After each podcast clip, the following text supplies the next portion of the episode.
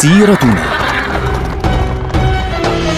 مع الدكتور عبد الله معروف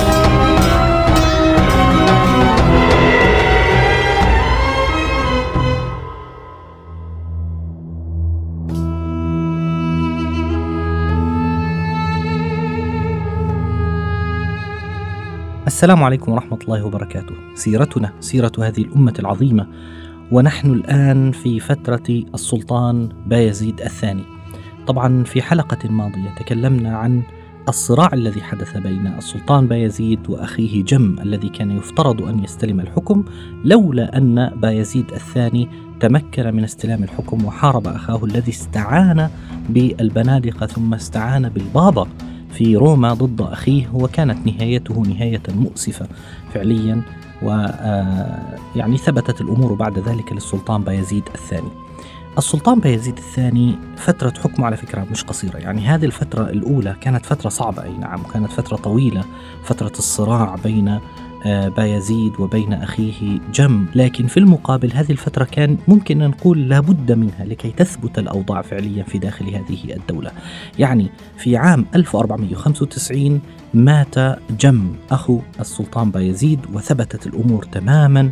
للسلطان بايزيد بوفاة أخيه. طبعا هو يعني استلم الحكم فعليا في البلاد قبل وفاة أخيه ولكن خلص لم يعد له أي منافس فعليا بعد وفاة أخيه الذي توفي في نابولي في إيطاليا ثم نقل إلى بورصة ودفن في مدينة بورصة. لاحظوا هنا السلطان بايزيد مع أنه أخوه حارب وتحالف مع الشيطان حتى مش بس مع البنادقة ومع الأوروبيين ومع البابوية ومع غيرهم مع أنه تحالف مع الدنيا كلها ضد أخيه لكن السلطان بايزيد مع ذلك طلب أن يؤخذ جسد أخيه من إيطاليا ويدفن في مدينة بورصة.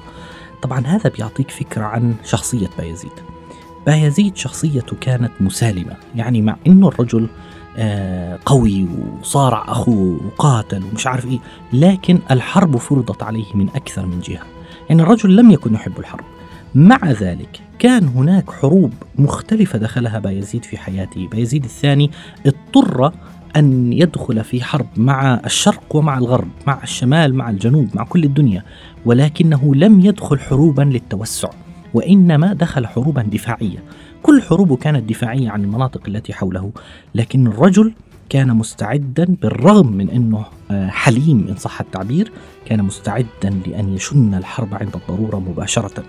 هذا الرجل كان رجلا محبا للعلم وكان رجلا محبا للشعر وكان رجلا محبا للهدوء والسلام بشكل عام. وهذا الكلام سينعكس عليه في آخر حياته لاحقا.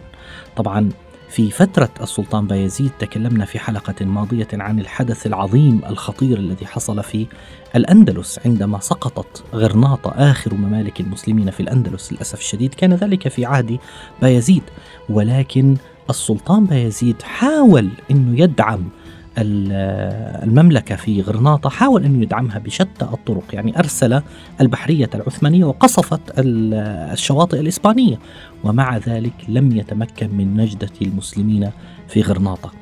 الذي يهمنا هنا أن السلطان بايزيد كان يقدم أساليب أخرى على الحرب فإذا لم يجد يعني بدا من الحرب كان يحارب.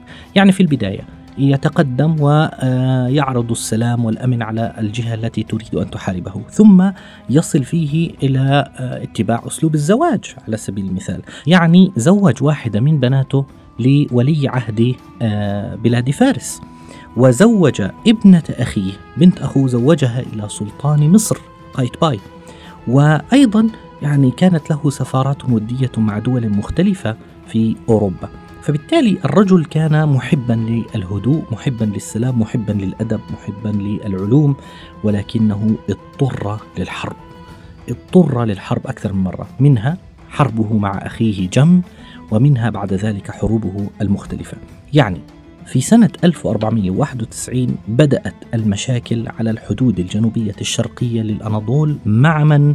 مع الدولة المملوكية. يعني الدولة المملوكية قريبة جدا من الدولة العثمانية. الدولة المملوكية في عهد بايزيد الثاني كان يحكمها السلطان الملك الأشرف قايتباي وهو واحد من أواخر الملوك الكبار فعليا في هذه الدولة. حدثت مشاكل على الحدود قرب منطقة طرسوس فعليا عندما قرر السلطان قايتباي أن يسيطر على بعض المناطق الصغيرة يعني مدينة البستان على سبيل المثال آه، وبلد أخرى يعني قرية أخرى حولها.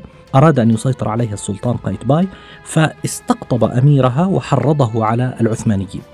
فبدأت الاحتكاكات بين الطرفين وتسبب الأمر فعليا في أنه بايزيد أرسل إلى السلطان قايتباي يقول له يعني لنا دولتنا ولكم دولتكم لماذا تحاولون أخذ بلادنا؟ فقايتباي ما رد عليه فبدأت الاشتباكات بين الطرفين.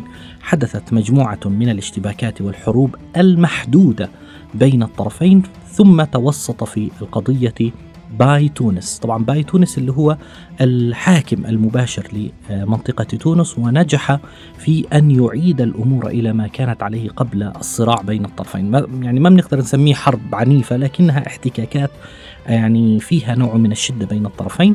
فبعدها هدأت الأمور بين السلطان بايزيد من ناحية وبين المماليك من ناحية أخرى.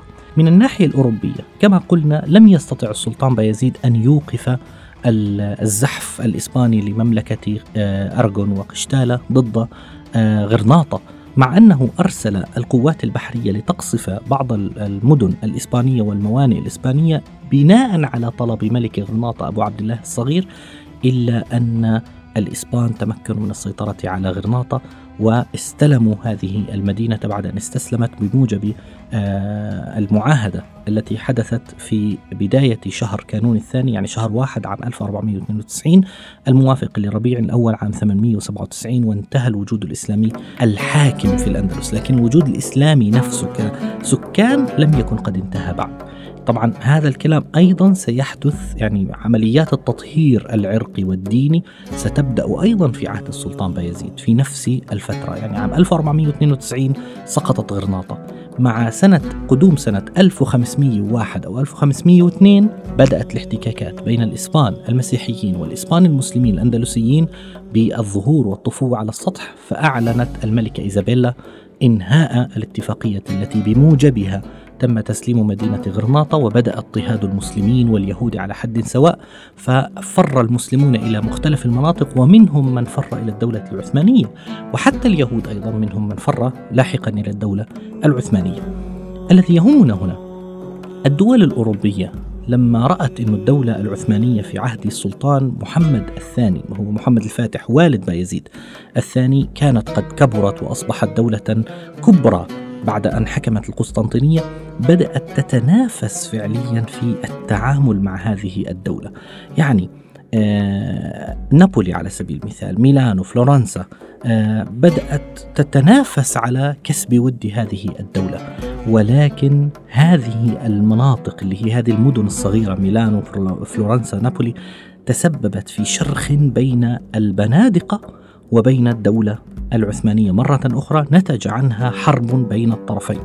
والسلطان عزم على أن يواصل سياسة السلطان محمد الفاتح في أن يقضي على جيوبهم تماما في اليونان، فبدأ يتحرك في داخل اليونان خاصة ان البندقية يعني تجار البنادقه والجند من طرفهم بدأوا يتحركون باتجاه السواحل العثمانية في شبه جزيرة المورا في اليونان وبدأوا يعني يهاجمون هذه المناطق، فالسلطان أي يزيد الثاني. انتهى من المشاكل مع الدولة المملوكية من هنا والتفت للتصدي لهجمات البنادقة وألحق بهم الهزائم المتتالية واحدة تلو الأخرى. ثم بدأ يتحرك في داخل بلاد اليونان لأن اليونان كبيرة. ما تمكن العثمانيون من فتحها بالكامل في ذلك الوقت فبدأ يتحرك يمينا ويسارا ويأخذ هذه المدينة وتلك المدينة حتى تحرك وأخذ يعني منطقة خليج كورنثا كاملة وبدأ يتصارع على المنطقة على كفالونيا وخليج كورنثا مع البنادقة مع التجار البنادق الذين تمكنوا من السيطرة على بعض الأماكن هنا وهناك. لكن بالنهاية في عام 1500 للميلاد تمكن السلطان من فتح بعض الثغور الأساسية من بلاد اليونان مثل نافارين وكورون فبالتالي البندقية أرسلت تستنجد بملوك أوروبا فأنجدها ملك فرنسا وأنجدها البابا في روما وأنجدتها أيضا إسبانيا لأن إسبانيا كانت تعتبر أنه هذه الدولة العثمانية لأنها قصفت الموانئ الإسبانية وحاولت دعم مملكة غرناطة كانت تعتبرها عدوا لدودا. فهم هاجموا الدولة العثمانية ووصلوا حتى مضيق الدردنيل. مضيق الدردنيل اليوم موجود في جنوب تركيا معروف هذا المضيق وتمكنوا من الاستيلاء على بعض القلاع في هذه المنطقة لكن السلطان بايزيد تمكن من هزيمتهم. فبالنهاية نجح العثمانيون في فتح بعض المدن منها على سبيل المثال مدينة رودستو على البحر الأدرياتيكي وتمكن من الوقوف هناك فالبنادقة مباشرة طلبوا الهدنة وطلبوا الصلح فعقد بينهما اتفاق في عام 1503 بموجبه تم إعادة جزيرة كفالونيا إلى العثمانيين وسمح لسفن البندقية أن تبحر في مضيق البوسفور باتجاه البحر الأسود وأن يكون هناك قنصل أو سفير للبندقية في داخل القسطنطينية وأن تدفع البندقية جزية سنوية للدولة العثمانية. فبالتالي السلطان يعني كان واضح أنه مع أنه الرجل لا يحب الصراع لكنه كان قويا لكنه كان شديدا في الحرب والقتال. لم يقل قوة عن والده ولكن كان يختلف تماما عن والده في طريقة إدارته الأمور لأن والده كان يعني السلطان محمد الفاتح كان ينزع مباشرة إلى الذهاب والتوسع والحرب وإعلان الحرب ابتداء لكن بايزيد كان يحاول أن يبتعد عن هذه الحروب بقدر الإمكان. وبدأ خلال ذلك إنشاء علاقات دبلوماسية لأول مرة بشكل واضح مع بعض الدول التي لم يكن بينها وبين الدولة العثمانية علاقات من قبل. مثلا مملكة روسيا ومملكة بولندا على سبيل المثال وغيرها من الممالك الموجودة في شرق أوروبا صار هناك تواصل كامل بين هذه المناطق وهذه الدول من ناحية وبين الدولة العثمانية من ناحية أخرى. طبعا هذا يبين لنا أن عهد بايزيد كان عهدا فيه نوع من المسالمة إن صح التعبير والهدوء إن صح التعبير ولكن هناك حدث خطير. ظهر في ناحية المشرق عندما نشأت الدولة الصفوية في ما نسميها اليوم إيران في بلاد فارس أدت إلى تكدر صفو العلاقات الداخلية في داخل الدولة العثمانية مما سيؤدي إلى صراع داخلي على السلطة في داخل الدولة العثمانية سيواجهه بايزيد الثاني. نلقاكم على خير والسلام عليكم.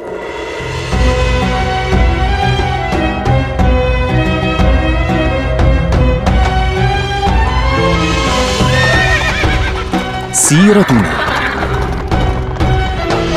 مع الدكتور عبد الله معروف.